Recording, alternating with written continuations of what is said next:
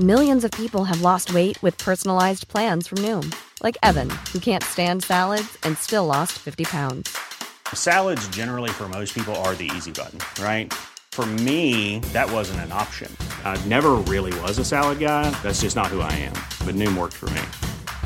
Get your personalized plan today at Noom.com. Real Noom user compensated to provide their story. In four weeks, the typical Noom user can expect to lose one to two pounds per week. Individual results may vary. I'm Sandra, and I'm just the professional your small business was looking for. But you didn't hire me because you didn't use LinkedIn jobs. LinkedIn has professionals you can't find anywhere else, including those who aren't actively looking for a new job but might be open to the perfect role, like me. In a given month, over 70% of LinkedIn users don't visit other leading job sites. So if you're not looking on LinkedIn, you'll miss out on great candidates like Sandra. Start hiring professionals like a professional. Post your free job on linkedin.com slash achieve today. Hey, it's Ryan Reynolds, and I'm here with Keith, co-star of my upcoming film, If, only in theaters May 17th. Do you want to tell people the big news? All right, I'll do it. Sign up now and you'll get unlimited for $15 a month in six months of Paramount Plus Essential Plan on us. Mintmobile.com slash switch. Upfront payment of $45 equivalent to $15 per month. Unlimited over 40 gigabytes per month. Face lower speeds. Videos at 480p. Active Mint customers by 531.24 get six months of Paramount Plus Essential Plan. Auto renews after six months. Offer ends May 31st, 2024. Separate Paramount Plus registration required. Terms and conditions apply if rated PG.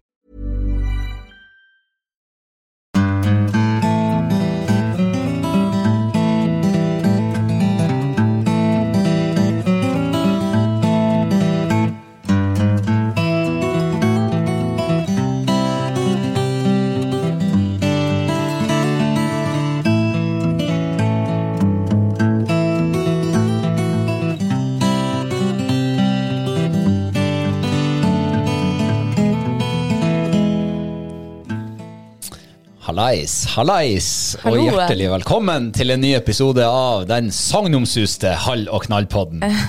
Sagnomsuste. Sagnomsuste. jeg, sagnom, jeg tror jeg, det her er sånn her déjà vu. Enten har vi snakket om det før, eller så gjenopplever jeg det. Men hva er Herregud. sagn... Opp, hva du, jeg husker ikke hva du sa. Sagnomsust. Ja, hva betyr det? Eh, nei, det er jo sånn eh, mytisk, velkjent eh, Ja, når du sier det, så tror jeg kanskje jeg har tatt den introen en gang før. I så fall så beklager jeg, og jeg legger meg skinnflat for Nei, alle som har Nei, det trenger du ikke. Jeg vil bare høre hva det var. Men eh, ja, det beskriver jo oss ganske bra, da. At vi har dårlig hukommelse og Nei, at vi er myte og myte. Myten, legenden. Den sagnomsuste Kristine Tybo Hansen. Ja, ja, ja. Ja, ja. Nei, Hvordan men- har du det? Jeg har det som vanlig helt utmerket. Å ja.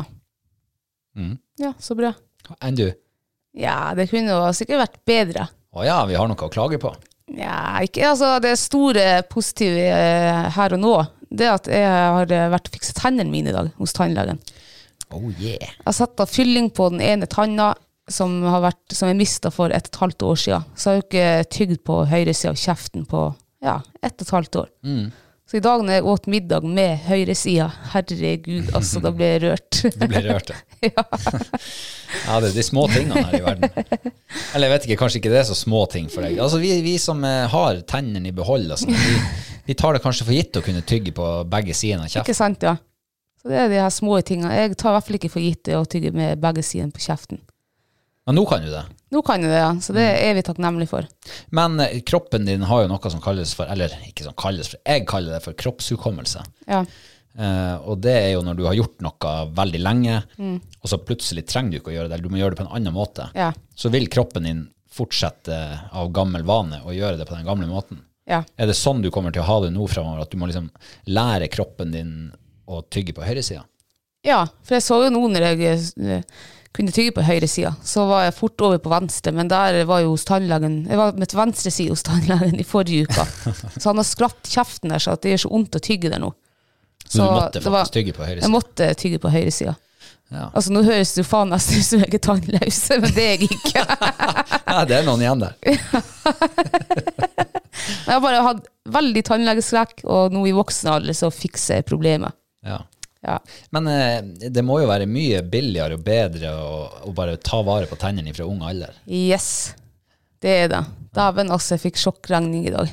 Og det var bare på to fyllinger. Og så s- skal jeg enda eh, rotfylle en og Nei. Jeg må bare, altså, uansett hvor tannlegeskrekk eller legeskrekk eller Kom dere til tannlegen. Jeg bruker å skremme tanteungene mine med å vise bare kjeften min. Å ja, da. Ja, så Da ser dere hvordan det blir hvis dere ikke er ferdig, flinke og ferdig tannlegen. Det er ikke motstand i de damer. Jeg tror jeg blir litt skeptisk når jeg ser høyresida. Ja, ja, nei, Kariusene og Baktusene de har gjort jobben sin. Godt. Virkelig. Ja. Eh, men eh, bortsett fra at du nå endelig kan smake maten på begge sider av kjeften, ja. hva, hva har du fylt den siste tida med? Nei, det er dårlig vær.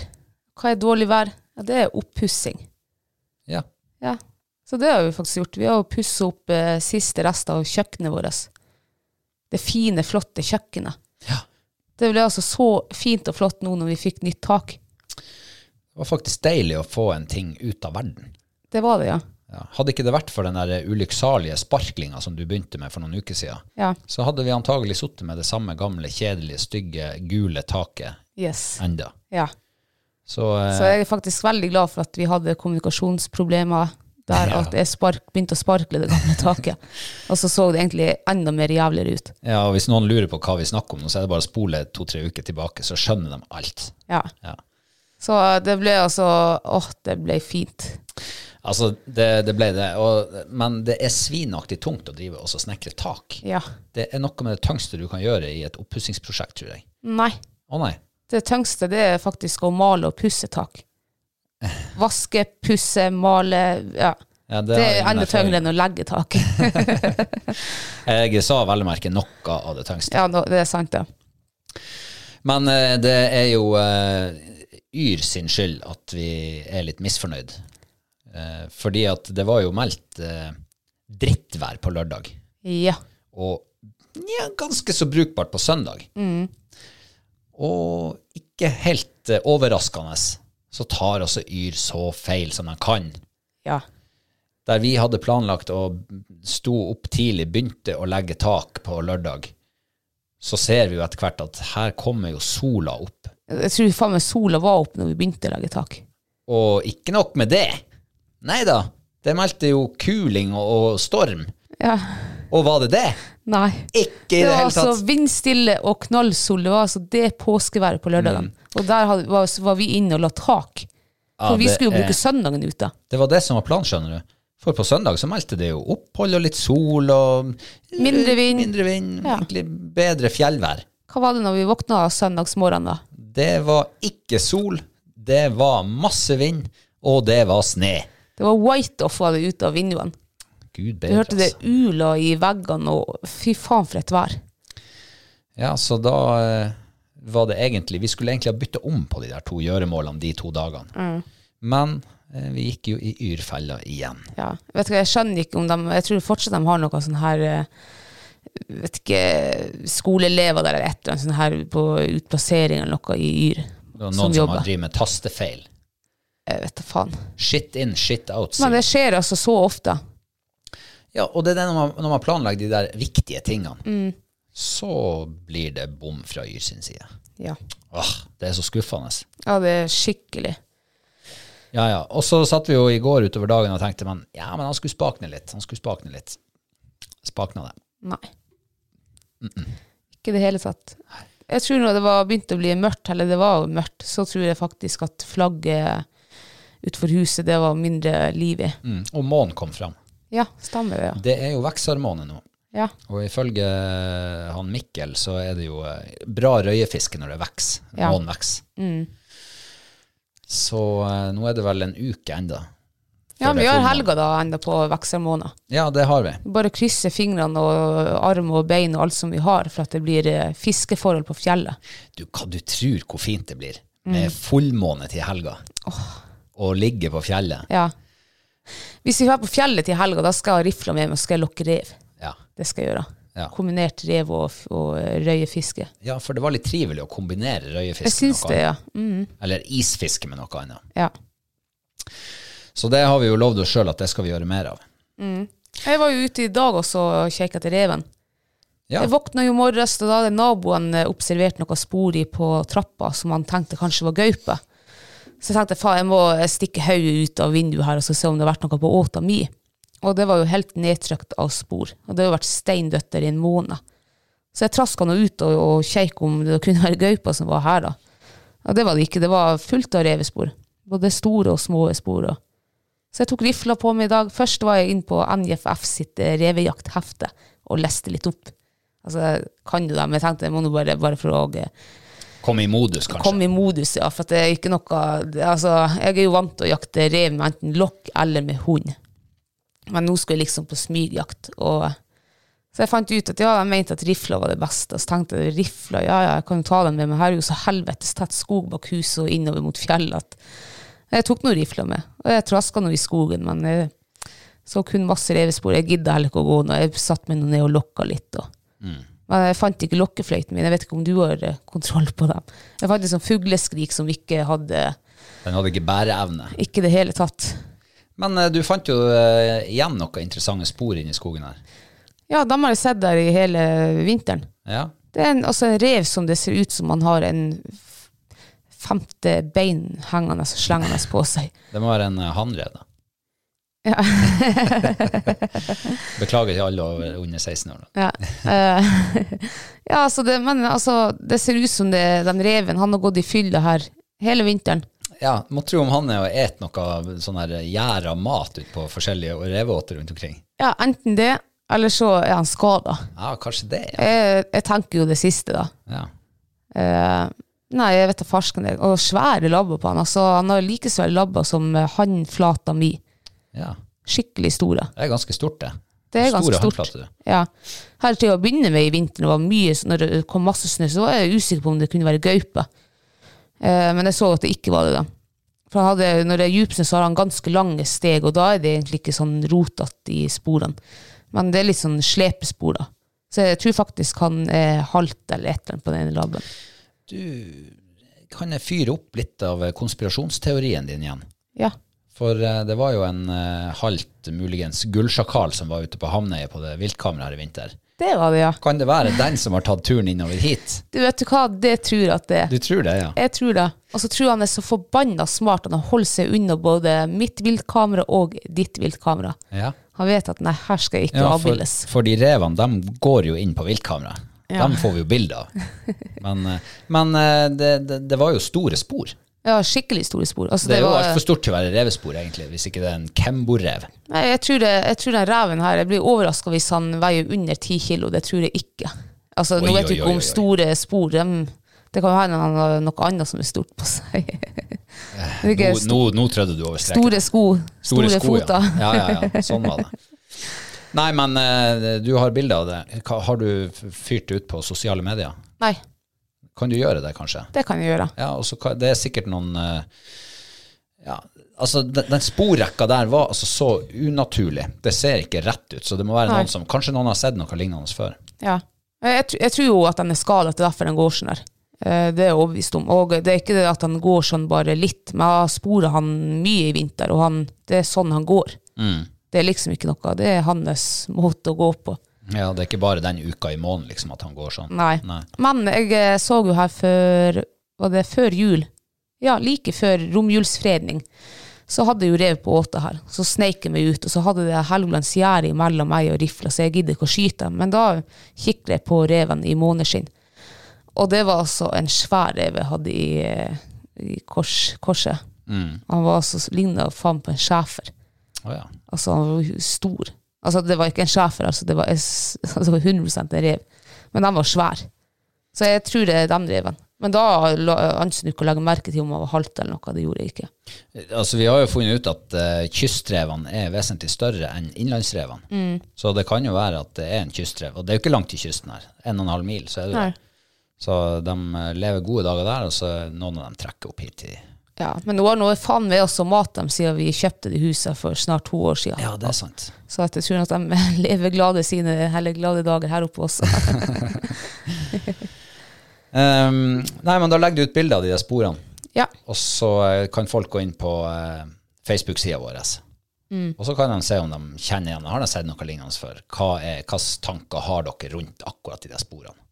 Jeg, er jeg syns det er litt artig å høre andre, for det er mange som har opplevd mye, kan mye, har sett mye rart opp gjennom livet sitt, Ja. som man ikke sjøl har sett. Ja, og den, den eh, her for noen uker siden, så fant du en plass der det var masse revepels og liggeplass. Og var, folk sa jo at det var skabbrev. Og når de sa det, så kan jeg tenke meg at ja, det var kanskje det, for det var det jeg tenkte. Men jeg har aldri sporet en skabbrev før og så sett noe sånt, liksom. Så mye pels og Nei. så, eh, ja. Eh, og så har du jo endelig fått tatt i bruk eh, pisslukta du kjøpte på flaske. Yes. Eh, ja, hva du vil si om den pisslukta der? Du, det var en ting jeg glemte å si Ja. om den her åte, for jeg har ikke hatt rev på over en måned. Ja. Og jeg har sett det har vært litt sånn tema på Facebook, forskjellige grupper. Eh, reven kommer ikke når jeg har lagt opp viltkamera dit, og noen, for noen funker det, og for mange så funker det ikke. Og her utenfor huset så funker det ikke, for jeg tok jo vekk viltkameraet mitt i går. Og i natt så var det helt nedtrødd av revespor. De hadde herja tulling på reveåta. Så her er de tydeligvis redd viltkamera. ja.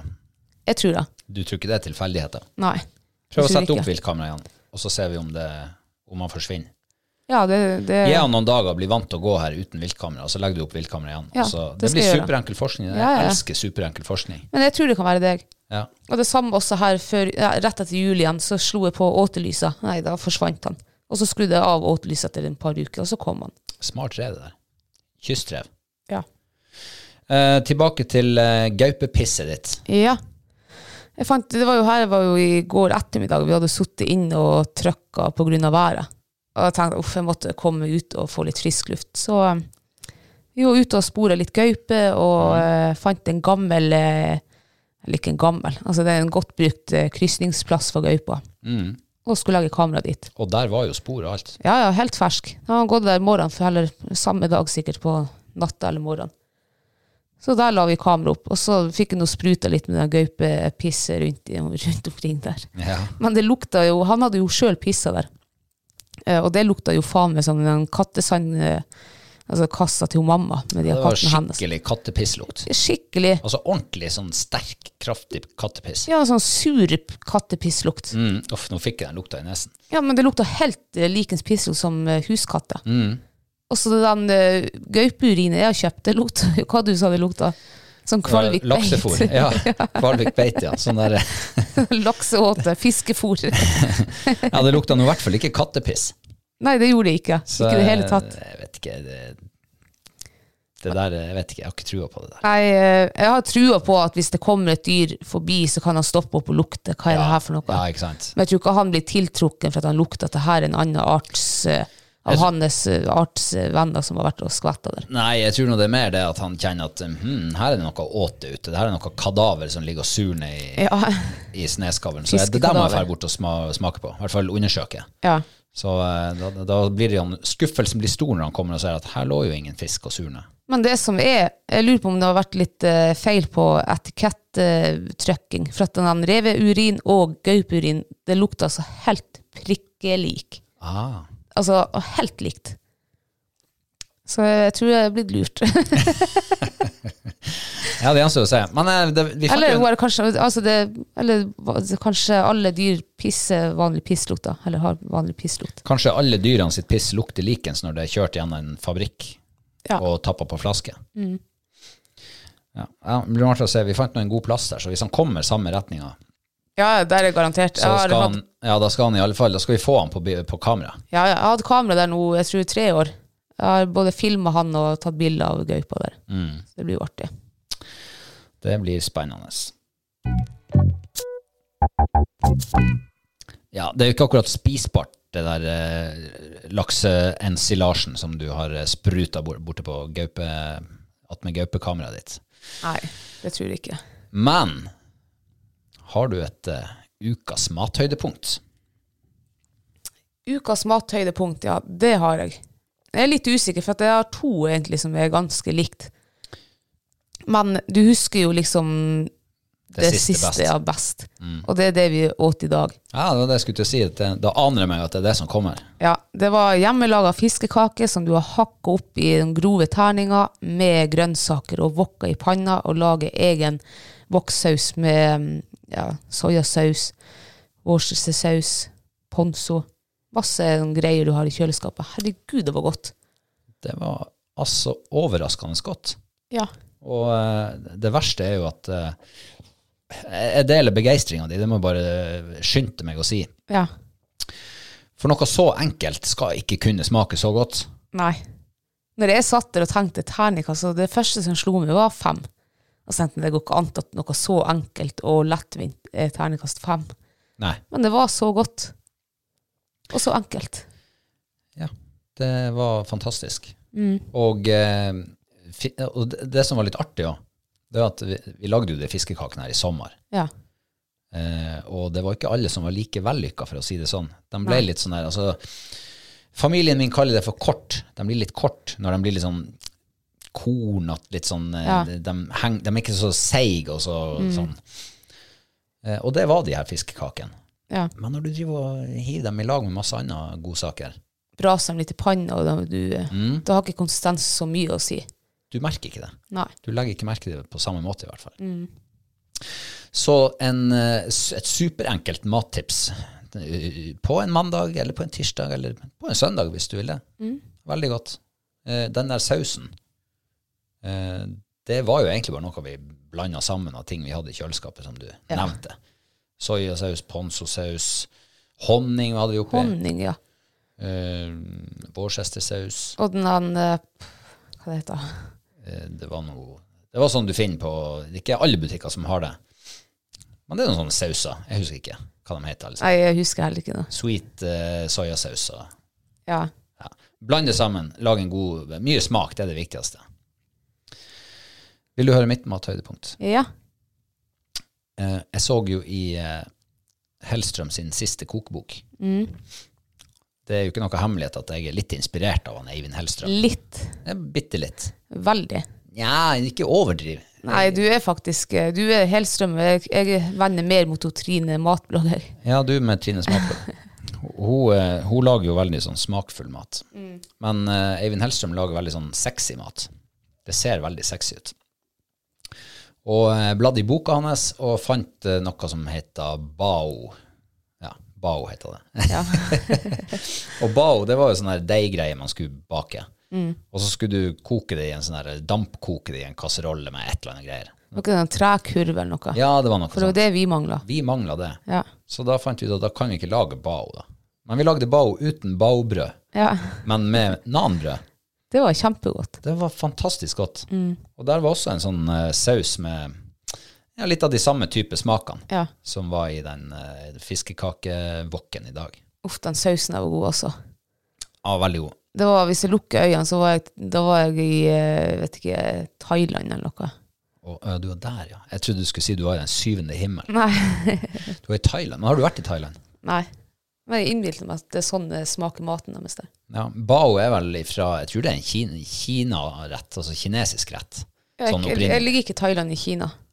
Ja, det er noe borti nærheten. noe i nærheten. Ja, Nabo... Ja. Ja. Så eh, det kan anbefales. Hvis du ikke har en sånn der eh, kurv som du skal koke de der brødene i, så kan du bare lage nanbrød. Det var veldig godt, det. Mm. Og kjempefort gjort. Ja, ikke minst. Kjempefort. Og det var faktisk ganske godt med en god vin til. Men ternekast? Eh, fem. Oi. Den var litt for mye lime i sausen. Det er det eneste som trekker ned. Ellers var det veldig godt. Når vi nå er og prater om mat, Ja. så hender det seg jo at det er noen som spør hos oss Ja, mat på tur. Når dere skal på tur. Hva har dere med dere å ete? Og hva kan man ta med seg, og hva kan man ikke ta med seg? Hva bør man ha med, og hva bør man ikke ha med? Det er vel egentlig ingen grense. Det er vel hva du gidder å bære eller trekke med deg på tur. Ja, det er såpass enkelt. Ja. Ja, men så har du jo ja, ja, Hvordan tenker du om um, tur på mat på tur? Jeg kan jo si hva jeg hadde med meg på tur før jeg ble kjent med deg. Ja, Det var jo ofte jeg og Johannes var på turer. Og vi, var sånn, eh, vi var ofte sånn i, på vår og sommer og høsten. Og vi hadde med oss knekkebrød, hvitost og kaffe. såpass. Ja. Kjempelett å ta med seg. Ja, veldig vektbesparende. eh, du hadde vel majones òg? Eh, kanskje av og til. Det var hvis sekken ble for tung, da gidda vi ikke. Oh, ja. Så det var det vi, vi levde på. Det var ikke maten som tynga i sekken, i alle fall. På det, på det tidspunktet. Nei det var det jo ikke. Siden du hadde bare en pakke Ja, men vi liksom, vi var sånn, vi pakka noe gjerne i dagstursekken hvis vi skulle på langtur. Det Nei, begrenser vet seg du hva vi hadde med oss? Nei. Vi brukte å ha, Johanne vant en sånn lavvo for mange herrens år siden, så vi hadde lavvo med og reinskinn, så jeg tror faktisk det var det som veide. Og isborer og Ja, ja. ja. Ja. Nei, jeg ville nå hatt litt ekstra mat med meg, jeg, da. ja, men vi var ikke så interessert i mat da. Du gikk på lut og kaldt vann. Ja. Luft og kjærlighet. Når vi begynte å gå på jaktprøve også, da var vi var 17 år gammel, og folk ble jo helt forferdet, men har dere ikke mat med dere? Nei, jeg, vi... Mat, kunne- hva vi skal med det? Ja, en hund, nei, vi hadde ikke mat til hund også, stakkars. Nei, vi var vant til liksom å gå fra morgenen, og så åt vi ikke før vi kom ned igjen. Jeg skjønner ikke hvordan det gikk an. Nå klarer jeg ikke det, nå må jeg ha mat med meg. Ja. ja, og hva pakker du med deg da når du skal på tur? Hva hva slags vurderinger og prioriteringer gjør du? Nå har jo vi vært på en del tur, jeg og du, og da ser vi at det går jo ofte tre måltider per dag. Så det tenker jeg at det må man ha. Eh, Frokost, lunsj og middag? ja. Ja, det er jo faktisk teorien til Forsvaret også. Å ja. Fordi eh, når du får en eh, dagsrasjon i Forsvaret, så er det frokost, lunsj og middag. Og det er that's it. That's it. Ja. Da er det én pakke til frokost, én pakke til lunsj, og naturlig nok én pakke til middag. Ja. Kaching! ja, men det er jo greit, da. Da vet du at altså, da vet du hva du skal ha å gjøre den dagen. da. Det er tre måltider. Ja, du vet i hvert fall hva du har å ete. Nei, men da, har du jo, da er jo Forsvaret og du er jo på samme nivå. Ja. Mm. Hvor du ligger hen, ja, jeg er der, jeg også. Ja. ja. Uh, jeg har jo i veldig, veldig, veldig, veldig mange år spist drytech, Mm. altså real turmat. Og det har vært en frokostrasjon, en lunsjrasjon og en middagsrasjon. Mm. Og det er jo egentlig ett uh, hensyn å ta, og det er jo vekt. Mm. For jeg, jeg er jo jeg er ikke gramjeger akkurat, men jeg er litt gram, gramjeger likevel. Mm. Og um, hvis du skal ta med deg eh, frokost, lunsj og middag som ikke er frysetørka, så blir det litt vekt etter hvert. Det blir det. Ja. Og en annen fordel med frysetørka er jo at om det er 30 blå ut, eller om det er 30 pluss, det har ikke noe å si. Den maten den overlever åkke som. Har du med deg en biff, og den blir liggende litt for mange dager i 30 pluss, ja, da har du et måltid i manko, altså. Ja, det tror jeg også. Så, eh, men så oppdaga jeg jo det at eh, særlig frokostrasjonen til eh, real turmat var litt snau. Eh, og altså, jeg ble så fort sulten igjen når jeg hadde spist den. Ja, det merka jeg også. Begynte å gå eh, når du var på, særlig sånn på jakt, eh, når du, når du går mye. Så merka jeg det at eh, et par timer etter jeg hadde spist frokost, akkurat begynte å gå, så ble jeg sulten. Sånn skikkelig sulten. Og da holder det ikke bare med tre rasjoner på dagen. Da må du ha en sånn mellom, hva det heter, brunsj før lunsjen, nesten. Ja.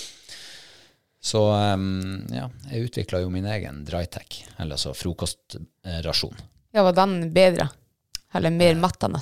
Ja, det var den. Var den det? Ja, den var større. Uh, mer, eh, mer gram å få i magen, og så var det mer kalorier i den, og det var jo fornuftig når man skal ut og gå langt, og gå mye. Ja. Da trenger du litt kalorier. Så den var jeg egentlig ganske fornøyd med. Um, men selvfølgelig, den kunne jo sikkert ha smakt litt bedre og sånn, men, men det var litt artig å utvikle det for da måtte jeg sitte og regne kalorier, og hva det kosta, ikke minst. Og jeg oppdaga jo fort at eh, man havna jo Det ble jo billigere når du lager maten sjøl. Ja, ja. Men jeg synes nå, jeg har jo smakt på det der vi har laga sjøl. Det er jo egentlig grøt med noe du har kastet oppi. Altså vanlig grøt. Så da syns jeg jo den Drytech med, åh, med sjokolade og musli, herregud, den er god. det kunne jeg faktisk ha spist til frokost hjemme også. Ikke syv dager i uka. Ja. Da hadde du blitt lei. ja du men hadde, det er du hadde sikkert sånn spydd etter femte dagen. Nei, da kunne man bare ta det i brødskive med hvitost den ene dagen, da. Ja, ja, det kan du jo. Men det kan du ikke på fjellet hvis du har bestemt deg for å leve på frysetørka. Nei, den der smaker jo alt godt. Ja. Ja. Og det, man har jo ikke noe valg heller. Jeg husker første gangen jeg gikk uh, kun med Drytech i sekken. Mm. Det var kun, og det var den lengste turen jeg på det tidspunktet hadde gått. Uh, det var vel en marsj på seks-syv timer, noe sånt. Og da hadde jeg bestemt meg for at jeg skulle kun Jeg skulle bære så lett som mulig. Jeg gjorde jo ikke det, men maten jeg bar med, var så lett som mulig. og eh, det er noe med å innstille hodet på hva du skal ete på turen. Hvis du vet at jeg skal ete akkurat det her de neste fem, seks, syv dagene, så blir det sånn. Og da har du ikke noe valg. Men på sommeren sier når vi har Vi har jo ofte bare drytech med oss når vi går på sommerturer. Og vi belager oss av og til på fisk også. Så det er ikke bare Og på sommeren så er det jo fullt mulig å få fisk hvis du lager turen innom liksom safe vann. Så um, ja. Ja, og det er jo eh, ikke bare at du kan eh, basere deg på det, men da er, får du faktisk litt avveksling òg fra det du har planlagt å spise. ja. Og det du kan ha med deg, da, som også ikke det var ikke en skit, det er Toros fiskesuppepulver. Det Ja. er fint liksom å Får du en fisk, ja, kan du skjære den i små biter og hive oppi gryta. Så det er plutselig gourmetmåltid. Ja. Um, Hvilken fiskesuppe fra Toro foretrekker du, da? Er det Bergens? Er det Lofoten? Er det Jeg lurer på om det er Bergens. Bergens, ja. Jeg tror jeg husker noe faen ikke. Det er så lenge siden. Vi har ikke fått fisk. eh, For vi har jo brukt å ha den her på vinteren. Jeg tror den har ligget i sekken nå i to år. Men det som er min, okay, min favorittmat på tur, på som, eller uansett, da, det er fersk fisk på polarbrød med majones. Så det jeg eh, kom på nå jeg veldig ofte har med i sekken, det er majones og polarbrød. Og det er faktisk ufattelig godt. Det er dritgodt, ja. Så det er med, altså det er med som en velferd, da. Veldig ofte. På sommeren. Men ville du ha, eh, når du da planlegger turen og pakker sekken, ville du ha satsa på at du får fisk og kan ete den fiskesuppa, og liksom at det var Du baserer deler av eh, maten, turmaten, på at du får fisk? Eller ville du hatt med deg noe i, på en måte i reserve, da? En backup, i tilfelle du ikke får fisk? Nei, jeg må jo ha backup. Jeg må ha tre måltider per dag. Og det pakker Uansett. du i sekken? Og det pakker jeg i sekken, ja. Eh, jeg kunne godt ha gått på tur og belagret meg på å få fisk, men da måtte jeg ha sluka med meg og slukstanger. Og det veier det også. Og jeg syns jo, jo det er mye artigere å fære på de her turene med fluestang. Ja. Liksom virkelig på jakt. ja. Så da blir den matopplevelsen så mye større når du har lura en ørret på tørrflue eller noe sånt. På fjerde dagen. Ja. så jeg tror absolutt det har vært mulig å liksom kunne belagre seg, ikke bare på fisk, men veldig mye på fisk. da. Men da tror jeg du er avhengig av eh, sluk. Det fanger fisk. Jeg er nok enig i det. Og det er jo sikkert derfor jeg aldri har vært vant til å belage meg på fisk, for jeg har aldri hatt slukstanger med. Nei. Eller ikke aldri, men eh, i, i nyere tid så har det kun vært fluestanger som har vært med. Mm. Og eh, jeg syns det er litt risky å skulle basere seg på at fisk er en del av kosten. Det går ikke an. Plutselig er, det, er du vindfast oppe på fjellet i fire dager. Det er jo veldig vanskelig å få fisk på flue. Da blir du ganske sulten etter hvert. Yes. Ja, du gjør det. Nei, så tre måltider uansett. Og det er på sommeren, høsten, altså når du trør og du har sekk på ryggen, da er det veldig ofte dry tech. Men er det forskjell i ditt hode på korte turer og lange turer? Tenker på matrasjonen du har med deg, eller? Ja, hvordan du tenker liksom mat. Nei, altså hvis det er avstand kort, altså der du Altså trø, trøinga, Ja. så har du litt å si. ja. Og selvfølgelig at du ikke skal være så mange dager heller på fjellet. Mm -hmm. um, nei, men eh, Nei, jeg tror uansett jeg ville ha Men- vært lettsekk. Ja, men tenker du Å ja, ok. Så lettsekk eh, går foran eh, litt velferd. Har, men hva er en lang tur og en kort tur for deg, da, sånn, hvis du tenker gå avstand? Eh, Nå har du for så vidt sagt at du ikke ville prioritere å ta med deg noe velferd og kun gå med lett sekk, men Nei, altså, eh, men velferd for meg er ikke mat. å ja. Hva er velferden, da? Velferd er flytende. Det er kaffe. Eh, heldigvis jeg har jeg sluttet å røyke nå for snart to år siden, så kaffebruken er heldigvis halvert. Halvert, ja. Ja, Minst. minst, ja, hvis ikke mer. For før da var det halve sekken, eller eh, jeg brukte en hund til å bære kun kaffe i kløven, liksom. Så det, det er blitt mye bedre, da. Så kaffe, det må jeg ha med på tur. Jeg må ha morgenskaffen og ja, gjerne en formiddagskaffe. Det må jeg ha. Det, åh, det er kos, altså. Ja, bålkaffe, ja. Bålkaffe er det beste, ja. Ja, det er noe stas med det. ja. Men eh, er det noe mer fl flytende du foretrekker? Jeg er jo litt glad i en, eh, altså en iskald isbjørn. Ja, er den iskald på sommeren? Hvis du finner ei myr eller noe å legge den i, eller hvis du lar den ligge i den svarte hundekløvene med sånn her annen polstring på, jeg vet ikke, men det har i hvert fall holdt, eh, holdt dem kalde. Eller hvis du er heldig å finne deg en liten snøflekk. Ikke sant, ja? Det er jo det aller beste. Ja. Og vi har jo faktisk opplevd å ligge på fjellet om sommeren. Eh, Det ligger noen øl i fryseren, holdt på å si, kjøleskapet, en snøflekken. Eh, Og de ligger der i et par dager, og så er kjøleskapet borte. ja. Ja. Så da har vi liksom bare måttet drukke opp de der få ølene ganske kjapt. For det er jo når de er kalde best. Ja, ja, det er jo det. Men det er jo faktisk, eh, apropos velferd, ja, det er jo når du sier at mat og sånn ikke er velferd, men det du trør inn i deg i hvert fall, Ja. av mat og drikke, det er jo, jeg, jeg kjenner særlig de gangene jeg, jeg skal være lenge borte, og kanskje være borte fem, seks, syv dager, åtte dager, så blir det der, um, når du liksom har, du har sittet og spist dry-tech, eller spist det samme i flere dager, og det å da kunne fiske opp en pose med et eller annet, kanskje en iskald cola, eller en pose med smågodt, eller en liten pose med potetgull, åh, det er så deilig bare for å få liksom den der avvekslinga, føle at du jeg har nå tenkt på meg sjøl også. Skal ha litt kos på turen. det syns jeg er stas.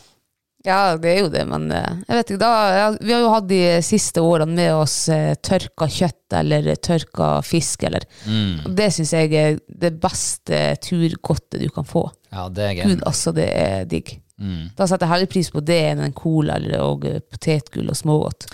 Tørka reinhjerte. Å, herregud. Eller en eh, god eh, tørka torsk. Det Ja. er fantastisk, altså. Shit, det er godt.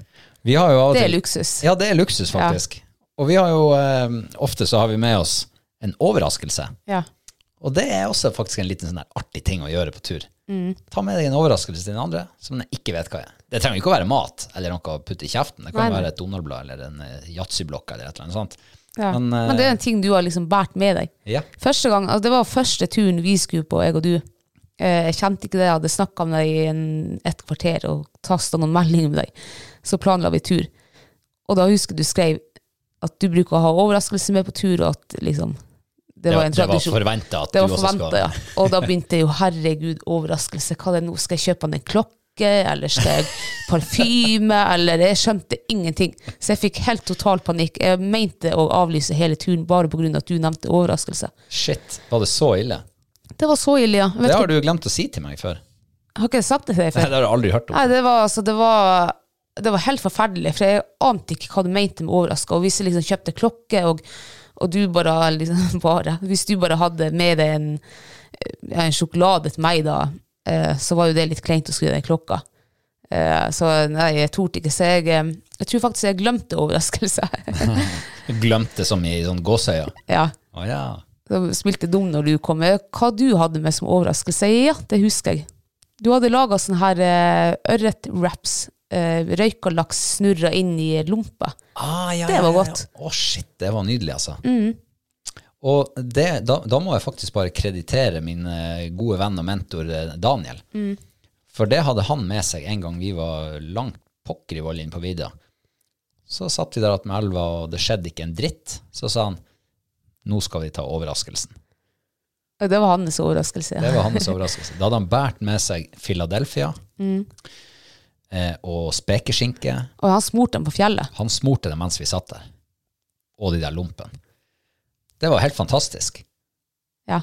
Og det har, jeg vet ikke om vi har hatt det med oss, akkurat det der, Nei. siden den gangen. Jeg kom på det akkurat nå. Det er jo, for et et kjempe, fantastisk Ja, det er jo kjempeturmat. ja det, og det var det så annerledes. Sånne ting som man ikke tenker på å ta med seg til Mm. Fjells.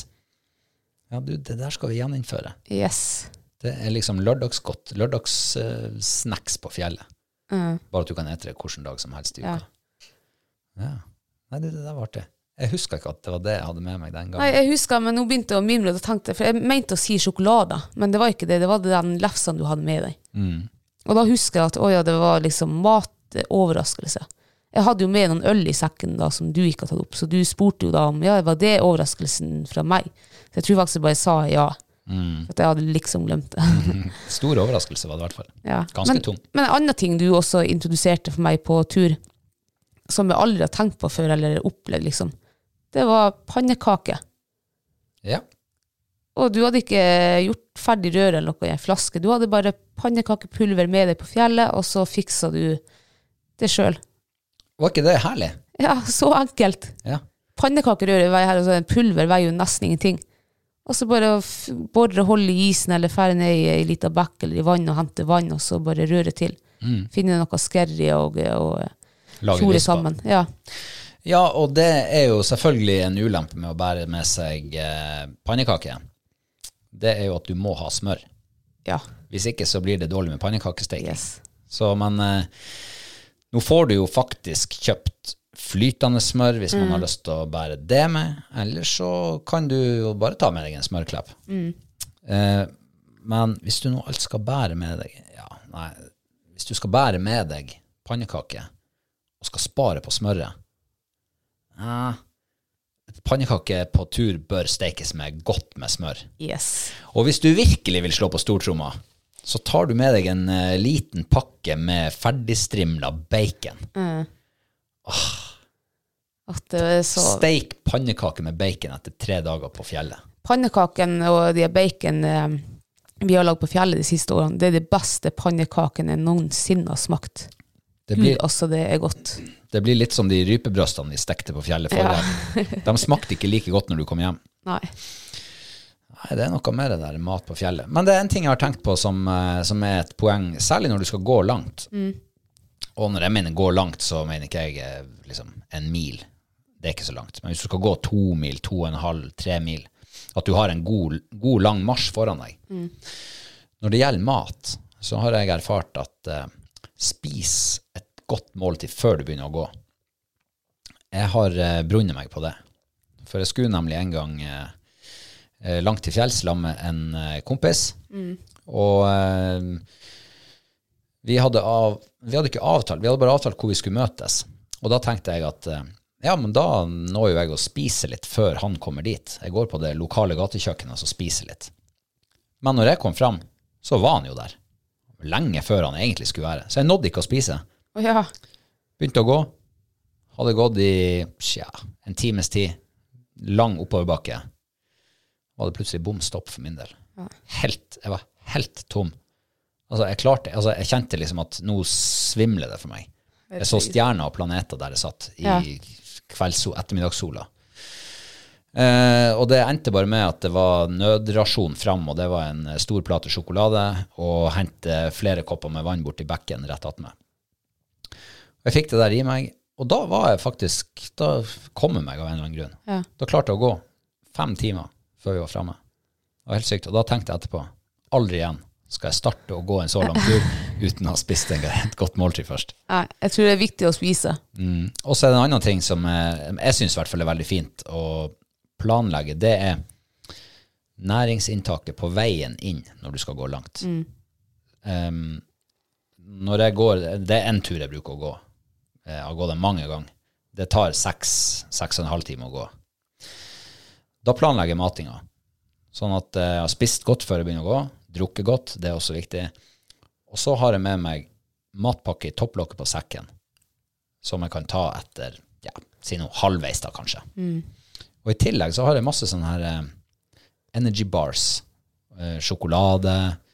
Eh, jeg har faktisk òg hatt sånn, sånn gel, energy gel, oh, ja. som du kan fylle på underveis. sånn at du, du trenger ikke å stoppe og liksom lage deg et måltid. Du kan bare stoppe, av med sekken, ut med en energy bar eller en gel, trø det i kjeften, og så går du videre. Så sørger du derfor for at du har litt bensin å gå på. Og så kan man stoppe sånn halvveis og ta det der måltidet med de matpakken du har smurt ferdig. Og så samme på returen. Du, når du planlegger litt, så må du spare med deg litt energy bars og litt gel, sånn at du har det, for returen er jo akkurat like lang. Ja, den er jo det. Ja. Så, um, eh, men er det forskjell på sommer- og vintertur, tenker du? Ja, absolutt. Eh, Jeg tenker vinteren så er det liksom eh, ikke de store begrensningene hva du kan pakke med deg. Hvis du har kløv, nei, eh, pulk, for eksempel. Du kan jo drage mye mer kilo enn du har på ryggen, liksom, uten at det skal ta drepen av deg. Ja. Eller på, jeg foretrekker jo faktisk eh, sekk eh, ti av ti ganger en pulk, for jeg hater jo å drage pulk. Ja, jeg elsker å trekke pulk. Ja. Fordi at da kan jeg ha med meg litt ekstra velferd. Ja. Da, er det ikke så, da kan jeg faktisk ta med meg eh, biff eller eh, fløtegratinerte poteter eller eh, noen øl ekstra, eller eh, Ja, da er ikke vekt så viktig for min del. Nei. Vi har jo en eh, Når vi begynte med pulk, så tror jeg bare vi slang liksom handleposene oppi pulken. Men nå har vi en egen sånn plastboks, Boks. ja, der vi liksom har eh, kjøleskapet vårt da, med pålegg. Mm. Så nå har vi jo flere forskjellige pålegg med, også brød og smør. og Mm. Det er jo egentlig luksus. Ja, men jeg, jeg syns jo at eh, særlig på vinterstid når du er Det kan jo bli dårlig vær, ikke Ja. sant? Mye dårligere vær enn på sommeren, og du må ligge i teltet store deler av dagen. Eh, og da skal det i hvert fall ikke stå på maten og liksom den Du, du skal i hvert fall kunne skape en hyggelig atmosfære i teltet. Og da syns jeg ja. Ja. Jeg kjenner også jeg er mer sulten på tur på vinteren. Men jeg vet ikke om det har med at du forbrenner mer energi når du sitter og fryser litt og hakker tenner. Og, men jeg kjenner det, eller om du sitter mange timer i teltet, og- men jeg er generelt mye mer sulten da. Men er det noe man ikke kan ta med seg på vinteren? Som du kan ta med deg på sommeren, sånn i teorien? Nei, det tror jeg nok ikke som jeg kom på. Jeg har lurt på én ting. Ja. Kan man ta egg med seg på vinteren? Ja. Kan, altså, frys dem, beinfrys dem. ja du koker eggene da før du tar dem med. Ja, sånn, ja. Hvis du vil ha kokt egg. Hvis du har stekt egg, så bør du kanskje passe på at eggene ikke fryser. Ja. Jeg tror ikke du skal ta med deg egg, rå egg med deg i 30 minus. Nei, det var det jeg tenkte. Ja, Det spørs om ikke de fryser da. De er jo veldig enkle å, å frakte da, når de er frossen. Men jeg vet Ja. ikke hvordan man tiner egg som er frossen. Nei, jeg vet da farsken. Ikke kan du kakke han heller. Nei, du må, nei. Du må jo nesten ruge litt på han. da. Ja, kanskje du må først koke han, og så kakke han. Tine han. Eh, men eh, har du noen sånn eh, Har du noen sånn eh, råtips? Altså de, så de der tingene man ikke tenker på så mye. Sånn som er kjekt å ha i sekken når du skal på, på tur. Når det kommer til mat, selvfølgelig. Det må jeg vel si at jeg ikke har. Jeg har et. Ok. Pulversaft. Pulversaft, ja. Ja. For eh, det jeg har oppdaga, er jo at når man ligger på, på fjellet lenge Ja. og drikker det der samme fjellvannet hele tida Noen ganger så ligger du attmed en bekk eller en elv, der, da er jo vannet prima kvalitet. Men det blir litt kjedelig i lengden. Andre ganger så ligger du attmed et, eh, ja, et lite fjellvann. Eh, Kanskje ikke så veldig bra vanngjennomstrømming. Det, det ser litt sånn her øh, ut, vannet. Så da syns jeg faktisk det er superdeilig å kunne bare rive av en pose med iste eller pulversaft eller noe sånt og blande i vannet. Bare for å få litt den der avvekslinga. Mm. Få en litt ny smak i munnen. Jeg ser jo den. Jeg lurer på hvordan huleboerne gjorde det her i sin tid. Hva gjorde de for å få avveksling fra fjellvannet og tørrkjøttet? Kanskje de plukka moltebær og blanda med vann eller noe. Blåbær. Åh, ja, moltebær. Og det kan du også med pannekaker på høsten. Ah. Da, da har du ny rød hvis du bare tar en liten runde rundt teltet hvis, du, hvis det er moltebærmyre der. Mm. Da blir det nyrørt moltebær. Eller Så- blåbær. Eller blåbær. ja. Så husk sukker med det også på tur. Ja. Sukker, pannekake og smør. Ja. eh, og, eh, og ja, sånn, egentlig som, alt som er sånn pulverdrikke, er jo egentlig gull. Rett i koppen. Kakao, ja. eksempel. Shit, det er godt å koke opp litt vann bare etter noen dager. Ja, det er fantastisk. Og så får du jo, særlig vinterstid, så får du jo varme innenfra også, da. Ja. Og det er jo et poeng i seg sjøl. Ja. Kan vi oppsummere det her på noen måte? Ja, hva det skal gjøre? Nei, det må jo være tre måltider per dag. Ja. Vekt versus velferd. Ja. Det blir jo egne, egne prioriteringer. Men jeg har altså møtt et menneske eh, langt, langt, langt inn på fjellet som eh, Der vi brukte seks timer å gå, så hadde han brukt to dager. For han hadde så tung sekk. Sekken var full av øl, whisky, Jegermeister, biff, Herregud. fløtegratinerte poteter, brokkoli. Nei. Og hva han ikke hadde i den sekken, det vet jeg ikke. Men han var desperat etter å få letta den sekken før han skulle gå hjem. Så vi lå der fem stykker på en liten barrab og drakk øl og whisky og åt biff den ene kvelden. ja, det er helt sant. Eh, han hadde, altså, hadde så tungt at han hadde holdt på å omkomme på turen opp dit. Stakkars mann. Skulle han ligge lenge der, da? Nei, han skulle nå være en fire-fem dager. Noe sånt. Ja. Jeg syns så synd på han når han fortalte om den oppturen der. Altså, den Ja, men pass til han. Han har Ja. tatt så mye med seg til én mann. Ja, men ikke sant jeg, jeg skjønner jo at man kan eh, gå litt bananas, eller ikke tenke i det hele tatt på hva er det ting egentlig veier til syvende og sist. Når du skal gå så langt, så tror jeg at eh, har du tre kilo for mye i sekken, så blir de tre kiloene ganske så tunge etter hvert. Ja, det der hørtes ut som han hadde ti kilo for mye på i sekken. Når han har råd å spandere på fem mann velferden sin. Ja. Kanskje det var litt lykke for han at han eh, møtte andre folk der inne. Ja. Ja, så han fikk eh, letta sekken sin litt.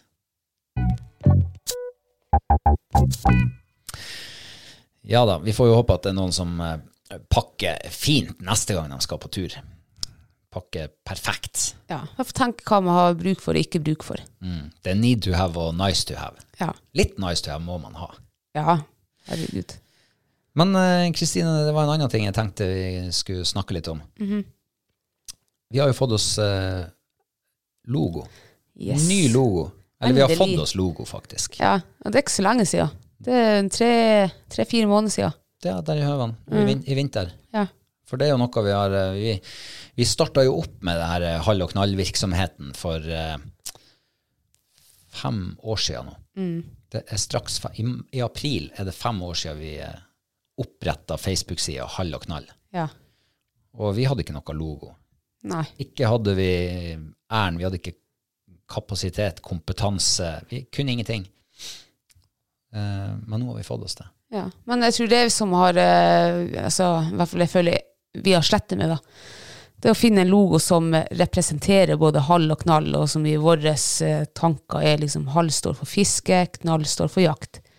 Så jeg har gått, eh, når jeg har tenkt på logo, så har jeg gått veldig den fella at du må finne en, en jeger og en fisker liksom, og sette dem i hop. Fiskekrok og en uh, rif rifleskudd. Ja, ikke sant? Ja, og det er bare ingenting funker. Og det er plutselig en dag vi sitter liksom og eh, droller, så kommer vi på bål.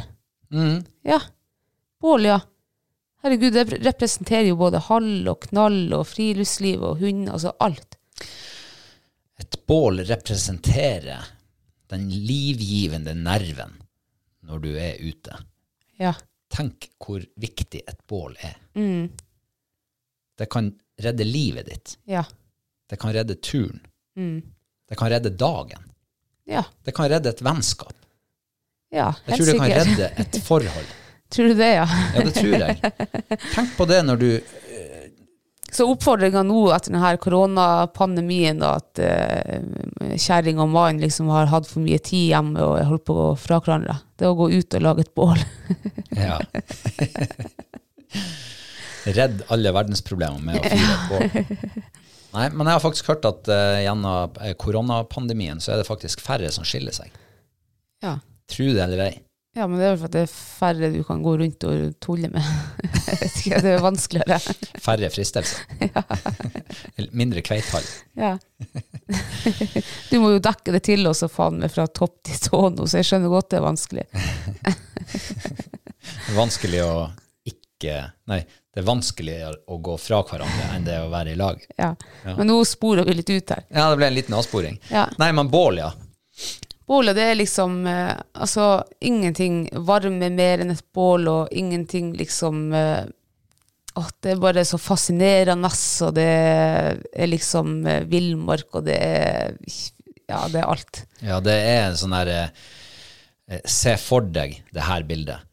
Du sitter ute en høstkveld, det er bekkemørkt rundt deg, du har vært gjennom en dag på fjellet, eller i skogen, eller i fjæra, hvor det måtte være, og så har du et knitrende bål foran deg.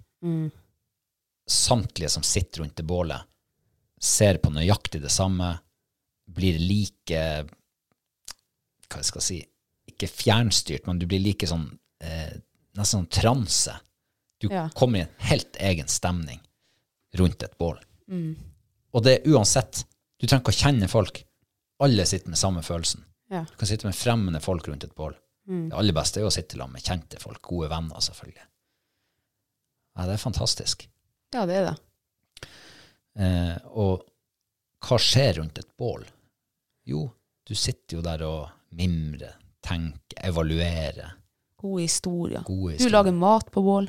Mat. Du varmer nevene dine på bål. Ja, du tørker klær på bål. Ja. Du har eh, høst når det er mørkt ute, da bruker du lyset fra bål. Ja. Ja, det er noe sånn fengslende, fascinerende med et bål. Altså, bål hører rett og slett hjemme på tur. Det gjør det. Ja. Eh, mitt første bål som jeg husker, altså min første, ikke det første bålet, men liksom de, de første opplevelsene med et bål, som i hvert fall dem som har brent seg fast i minnet mitt, det er fjærabål.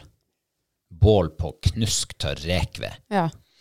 Så du, jeg er igjen med sjøen, og vi hadde så mye bål. Hele sommeren. Vi kunne gå, hver kveld kunne vi gå ned i fjæra, fyre bål, grille oss en pølse, koke en kjele kaffe, svi en kotelett. Bare sitte der. Ja, det er fantastisk. Ja. Jeg er enig i det at fjærabål er fantastisk, men eh, det jeg er vokst opp med, og det er liksom sånn, ligger mitt hjerte nærmest, jeg kjenner liksom det vekker gode minner og alt sånt der, det er furubål. Å ja. Det er det beste. Altså, jeg liker lukta av det, jeg liker, liker lyden av det, og flammene og Varmen. varmen. Det er ingenting som varmer mer enn et uh, furubål. Oh. Jeg har furubål og fjærabål helt sidestilt. Ja. Og det er Fjærabål er, som jeg sier, det er det første bålminnet jeg har. Men furubål er noe helt eget, det også. Det er det. Og vet du, eh, andre ting også du kan bruke bål til. Til å holde myggen borte. Yes! Du hiver litt sånn der sure, skerry et eller annet, eller det du finner som ikke brenner like godt. Dæven, altså, mygga holder avstand. Og så er det jo sånn at uh, det sies i hvert fall at uh, den som sitter rundt bålet og får røyken på seg, er den mest sexy. Ja. Får du mye røyk på deg? Eh, ja. Eh, Enten så er du den mest peneste, eller så er du den mest eh, Den som ikke klarer å tilpasse, liksom. Men jeg føler mange ganger når vi setter med deg, så røyken følger etter meg. Ja. Men jeg tror ikke det er på grunn av det, da. Nei, det, du kan jo si at det er det. Bare hiv deg på samme bølgen som det de vise sier. Kanskje derfor når jeg og Johanne sitter rundt et bål, vi får like mye røyk på oss. Det er sikkert at bålet ser ikke forskjell på oss, de ser vi er ganske like. Da ser de ikke forskjell på oss heller, for det syns vi òg får. Vi sitter begge to og gnikker hverandre i øynene. Ikke hverandre i øynene, men Ja. Nei, men bålet, det er fint, det. Og eh, jeg tenker jo tilbake til de her fjærabålene mine, og, eller våres, og sankthansaften. For sankthansaften i fjæra i Storvik, der jeg er fra, i Reisafjorden, det var en egen konkurranse. Da gjaldt det om å gjøre å få mest mulig røyk i hvert sitt bål. Ja. Og da så vi jo over fjorden til Bakkeby og til Sukkelvik og til Ytre Storvik og Hamneie, og det var bål overalt. Da var det bare å sanke tang og lyng og hive på bålet. Store dunger. Ja, jeg er sikker på at det bare var det. Jeg husker vi som var fra Innlandet, vi hørte om de der svære sankthansbålene. Vi hadde jo bare vanlig vedbål opp gjennom Reisedalen, liksom. Men sankthansbålet liksom ved kysten, det var, det var liksom søppeldagen. Da hadde folk tømt sjåene og bare oh ja, nei, det Er du sikker på at det var sånn det var?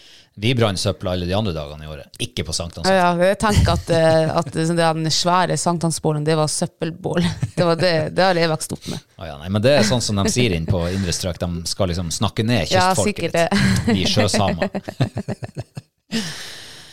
Eh, nei, men bål er jo fantastisk.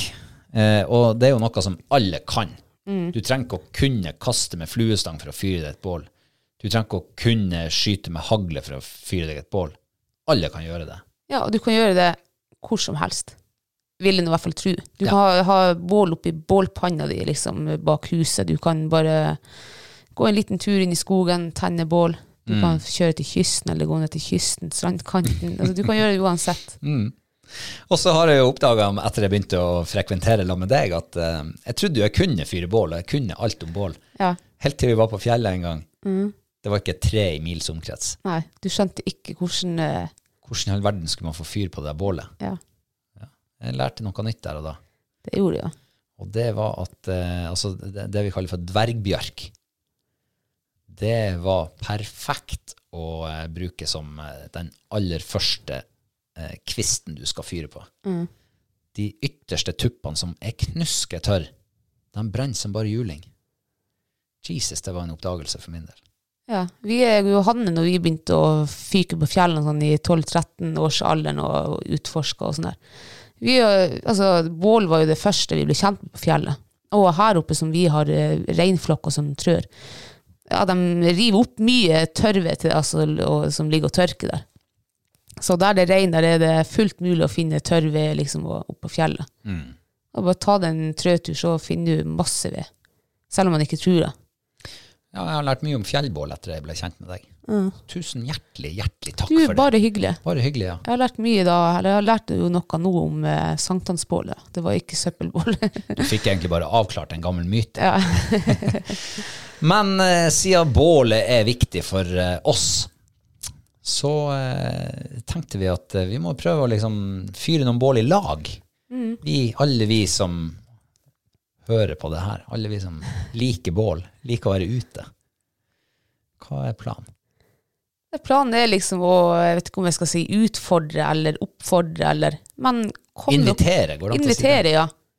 Hva, og hva var liksom, var det hver dag nå i en uke, eller var det Nei, altså, vi må jo bare eh, invitere eh, deg som lytter på, til å ta turen ut i løpet av den neste uka. Fyr deg bål. Ja, bli med og lag bål. Bli med og lag bål. Og om du gjør det én gang, eller to ganger, eller ti ganger, eller ti ganger for dagen, eller gjør det så ofte du vil, eller så sjelden du vil, men bli med og fyr et bål. Ja. Og hashtag det med halv- og knallbål. Så enkelt som det. Ja. Så ser vi hvor mange bål vi klarer å fyre den neste uka. Ja. Faen, det hadde vært kult hvis jeg kunne ha fyrt 100 bål, i hvert fall. 100 forskjellige bål. Mer. 500 bål. 500 000 1000 bål over hele Norge. over hele Norge. Det hadde vært rått. Ja, det hadde vært kult. Vi, kanskje vi skaper en sånn bevegelse. Ja. En sånn der eh, kjedebrev. Har du vært borti kjedebrev? Nei, For mange herrens år siden, tror jeg. Ja. Vi lager ikke kjedebrev, men vi lager sånn kjedereaksjon. Ja, Ut og fyre bål. Vi skal i hvert fall ut og fyre bål. det skal vi ja. Ja. Og ta bilde av bålet ditt, legg det ut på sosiale medier, og hashtag det med hall- og knallbål. Og vi tenkte jo også å liksom være litt eh, raus. Eller Raus og raus. ja, eller raus og raus. Vi tenkte vi skulle gi en eh, hall- og knall-hue til en ut av bålgjengen. Kan vi gi en caps? Det er Ja, jo snart kan- sommer. Vi kan gi caps, ja. Da må vi ha snart sommer fiske, og fiske. fiskecaps. Fiskecaps, ja. Eller bare bålcaps. Turcaps. Caps på butikken, caps i bilen, caps mot sola. ja. Du får en halv knall-caps. Ja. Vi sender en halv knall-caps til en, En av dem, en av dem som legger ut halv knall-bål. ja. Gud, hvor jeg gleder meg. Jeg kjenner jeg blir litt spent nå. Jeg også. Tror om det går an å få folk til å fære ut og fyre bål. Tror om vi får bål i morgen. Jeg ser jo Yr melde nok en gang eh, en vindfull dag. Så to dager på rad. 30 meter i sekund med vind. Du, unnskyld meg, vi bor midt inne i en svær eh, furuskog. Det er klart vi får bål. Ja, en gang i mitt liv har det vært eh, Det har vært Ja, en gang i mitt liv har jeg ikke klart å få fyr på bålet. Oh, ja. Da hadde det altså Du vet om sommeren når du får sånn her vanvittig tett sånn yr. Ja. Det er sånn, Du ser ikke at det regner, du bare kjenner at alt blir vått. Sånn var det en gang her i Reisadalen. Da skulle jeg på land og fra elva, eh, fyre bål, grille pølse. Til og med nevra var så tørr at det gikk an. Den tok ikke fyr. Så jeg måtte ete kalde pølse. Kanava var så tørr at den ikke tok fyr. Nei, nevra var så våt. Våt, ja. Den Ja. tok ikke fyr. Jeg sto med lighteren rett og holdt den rett på nevra. Tok ikke fyr. Det er første og eneste og siste gang i livet mitt at jeg ikke har fått fyr på bål. Eh, så da var det invitasjonen invitasjon denne gangen. Eh, ut og fyr bål, eh, tagg det med halv- og knallbål, og legg det ut på sosiale medier. Yes. Det blir herlig. Da, Kristine, skal vi over på eh, ukas høydepunkt. Yes. Vi skal nemlig eh, ønske velkommen våre nyankomne patrons. Ja. Gjengen vår. Gjenge. Jeg syns det faktisk er høydepunktet også for min del. Eller sånn. For det er så jævlig artig å gjette hvor de kommer fra. altså, nesten blir det litt sånn en intern konkurranse. Ja, og så fikk vi jo tilbakemeldingen fra forrige uke at eh, vi hadde jo vært eh, så godt som spot on på en av, Ja. en av våre kjære nyankomne. Det var bare snakk om en halvannen times eh, biltur unna der vi gjetta. Ja. Så det er litt artig. ja, det er jo artig. Eh, det er faktisk ganske mange denne gangen. Så uh, vi bare, vi bare gyver, gyver på. Ja. Da begynner jeg med den som står nederst på lista her. Nederst på lista. Ja, altså på min lista. Eh, ikke nederst i det hele tatt på Patreon. Men eh, det var et kjent navn. Mm, det, Hun heter Kine Benjaminsen. Mm. Hei, Eh, Kine. Heia, Kine. Takk for sist. Takk for sist. Hun møtte vi i Trøndelag når jeg og du holdt eh, foredrag der. Ja. Eh, hvis jeg husker helt feil, så mener jeg det var hun som eh, hadde en valp, ung hund, eh, kunne være spaniel eller golden retriever, og jeg lurer på om ikke hun skulle bruke hunden til apport. Kan det stemme? Um, det er Min hukommelse rekker ikke så langt, så jeg, jeg tør ikke å si at du har rett eller ikke. Men Nei, vanligvis så har du rett når du begynner å huske tilbake. Ja, vanligvis har jeg rett, og jeg er nesten sikker, men jeg kan selvfølgelig ta feil. Men det var artig, og hun er jo, vil jeg tippe, er fra Trøndelag, da. Ja, Hun er fra Trøndelag, men hvor hen i Trøndelag? Å, herregud, eh, Trondheim. Du sier Trondheim. Ja. Kan jeg bare tenke at uh, hun er litt på ytterste Jeg sier Melhus. Ok.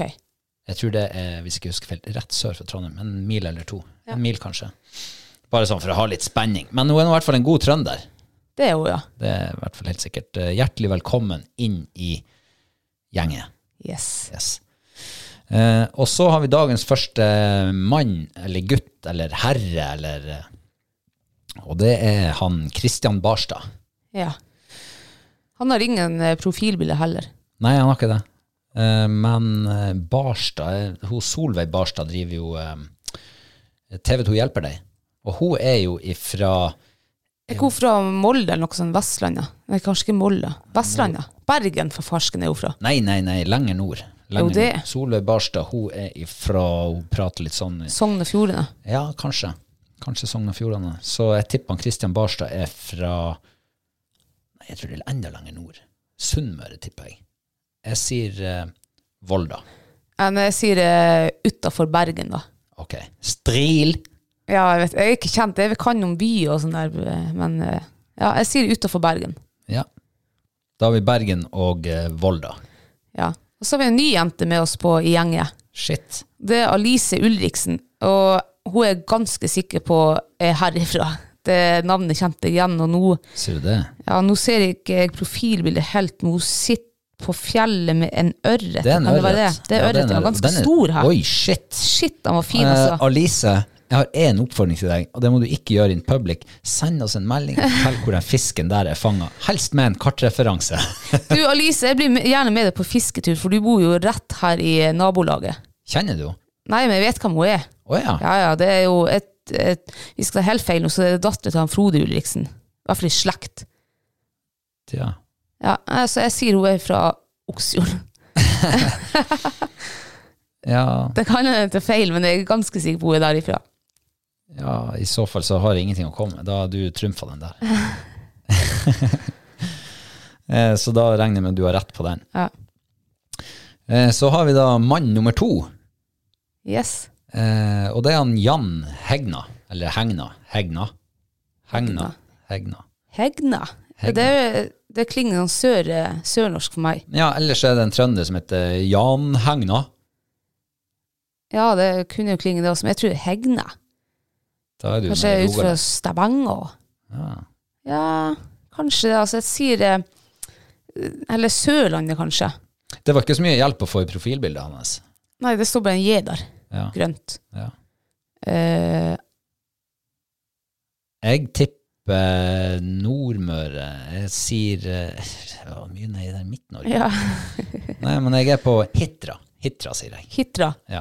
Da sier jeg eh, sier, eh, Sør-Norge. Kvinesdal, der har jeg vært. Jeg sier Kvinesdal. Og du, det er jo enda lenger sør enn Rogaland, er det ikke det? Ja, ikke det Agder? ja vet da faen. Det er noe der eh, Ja, det er lenger sør enn Stavanger, husker jeg. Ja, jeg tror Ja. du er i Agder. Det er mot Kristiansund. Sand. Sand. Ja. Kristiansand, ja. Mm. ja, jeg sier det her, jeg. Og så har vi en til gutt med oss på laget. Han heter Ken Boine. Og Boine er kjente for en fyr som heter Boine, og han mener var fra Karasjok. ja. Kanskje det er en slektning. Mariboine, kan det være Mari Boine også, ja. Er hun fra Finnmark? Ja, det tror jeg. Men er det Tana eller Karasjok? Det er jeg litt usikker. Her har han jo kofte på seg. Det er flere her med kofte. Kan Vi er definitivt i Finnmark, i hvert fall. Ja, vi er Finnmark. Eller eh, Troms og Finnmark, som det heter nå. Uh, nei, jeg, jeg tror Uff, nå er jeg jo så dårlig på eh, Nei, faen, jeg holder meg til Karasjok. Jeg sa det først. Jeg var på tur si Tana. Jeg sier Ja. Karasjok. Ja, nei, jeg har uh, egentlig veldig lite Men nei, ja, nei, kanskje jeg må si Du drog meg over til Tana, da. Men det er sikkert helt feil. Kanskje det er Hammerfest. Jeg slår et slag for Hammerfest. Hammerfest. Ja. Ja. Uh, og uh, da har vi nok en kvinne. Det er så stas, det. ja. Det, det er så mange kvinner. Mm. Torgunn Aagaard Henden. Henden. Det var, det var også sånn surnorsk. Kanskje hår generelt er det for meg. Ja, kanskje det. Men hun står det på ei islagt elv, eller? Nei, det der er en helt blikkstille elv. Er det det? Jeg ser bare hun har sånn eh, tjukk lua på seg. Ja, men jeg synes sånn revepels, eller hva det er. Ja, det er sant, det. Jeg tenkte den var islagt. Kanskje den er åpen? Nei, den var veldig hvit her. Hvis det der er vinterbildet, og det er en åpen elv, så jeg tror jeg at vi er ganske langt sør, altså. Kanskje faktisk ganske langt sør-vest. Ja. Henden. Ågård Henden. Da tror jeg vi er nede i eh, eh, Sier Flekkefjord, sier jeg. En, Johanne bor jo nå i eh, Vestlandet, og der er jo åpne elver og alt mulig, og så er det egentlig kaldt. Ja, der er litt fjell og sånn, ser jeg i Ja, bakgrunnen. Ja, faen altså, jeg sier, eh, sier Vestlandet, skal vi se, jeg, jeg lander på Florø. Ja, men jeg bytter. Jeg bytter fra Flekkefjord til uh, utfor Bergen. Uh, uh, Osterøy. Jeg vet ikke om det er fjellet, men jeg innbiller meg det. Jeg sier. Osterøy. Ja. Og så har vi en som kaller seg for Lykkejeger, Oi! med en profilbilde av en rev. Yes! Og det aner ikke om det er mann eller kvinne. Nei, det er ikke godt å si, men eh, jeg Altså, lykkejeger. Hadde du kunnet kalt deg for lykkejeger? Eh, nei, jeg vet, eh, Lykkejeger, jeg lurer på om jeg har eh, liksom forbinder med en sånn her psyko som er ute på natterstid. Og, Lykkejeger? Hvordan får du det til å bli en psyko natterstid? jeg lurer på om jeg har sett en film eller noe som heter det. Og han var sånn her, han var nesten som en Dexter, liksom. Ah. Ah, ja, du er, du er på han-sporet her. Ja, jeg, jeg er kanskje litt på en eh, Ja, jeg tror det er en mann, jeg. Jeg, jeg tror det er en jente. Du tror det er en jente? Ja, for lykkejeger, jeg, jeg får ikke mannevibber der, altså. Nei. Nei, det var faen meg vanskelig. Men uh, i så fall, det er jo longshot. Uh, nå har vi ikke, jeg har ikke vært innom Østland i dag. Jeg sier uh, Dovre. Jeg, jeg tror det her er fra Nord-Norge. Ja. Jeg sier det her er i Troms, og jeg tror at det her er Harstad. ja. Ja, det sier jeg. Vi er på hver sin kant av landet. Ja. Og takk for det, Lykkejeger, at du gir oss så lite å spille på.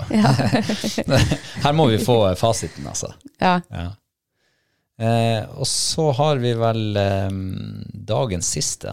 Og det er et navn som klinger kjent for min del, i alle fall. ja, for min del også. Han heter Tom Elvevold. Ja. Og det er ikke Tom Elvevold som klinger kjent for min del, Oh, ja. Men eh, Elvevoll. Å ja, Elvevoll. Ja, jeg vet om en plass som heter Elvevoll. Å ja, plassen er den? Eh, Den er inne i Lyngenfjorden, eller Storfjorden. Å ja, Elvevoll, ja. Ja, ja, ja. ja. Så eh, jeg tipper at det her er en storfjording. Men jeg tror ikke han bor på Elvevoll. Jeg tror bare han har navnet Elvevoll. Jeg tror han Tom Elvevoll er fra Oteren.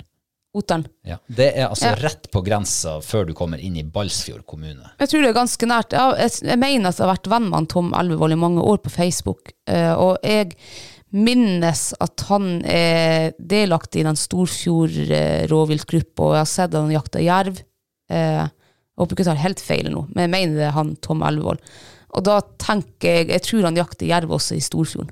Jeg, jeg tror han eh, jeg, mente, jeg tenkte også Oteren, men jeg kan si eh, eh, Hva det heter der vi har Nei, ikke Skibotn. Hva det heter der vi har vært inne og kjøpt pølse og chips og sånn der?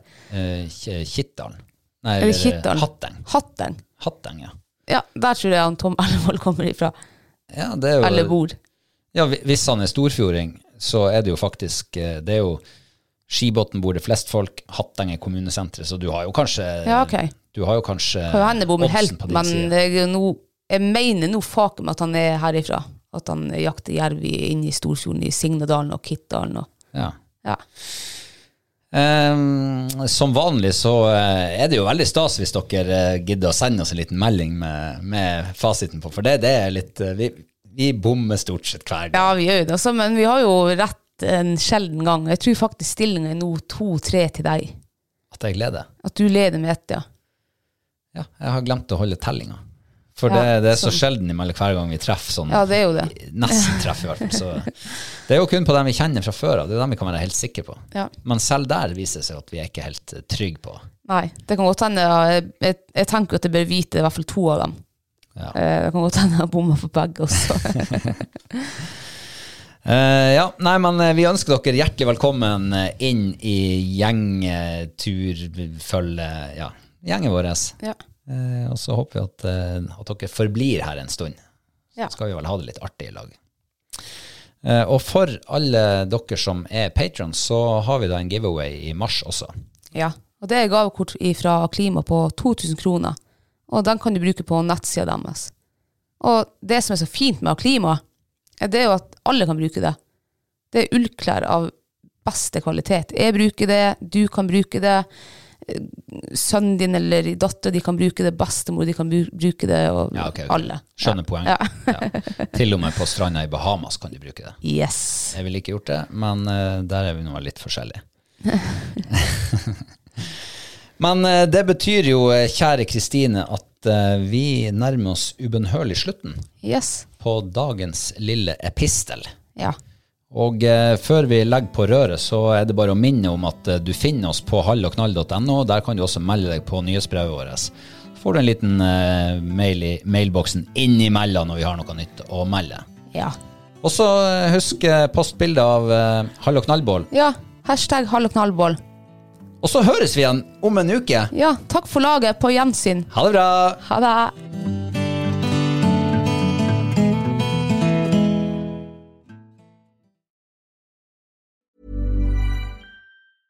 Ever catch yourself eating the same flavorless dinner three days in a row?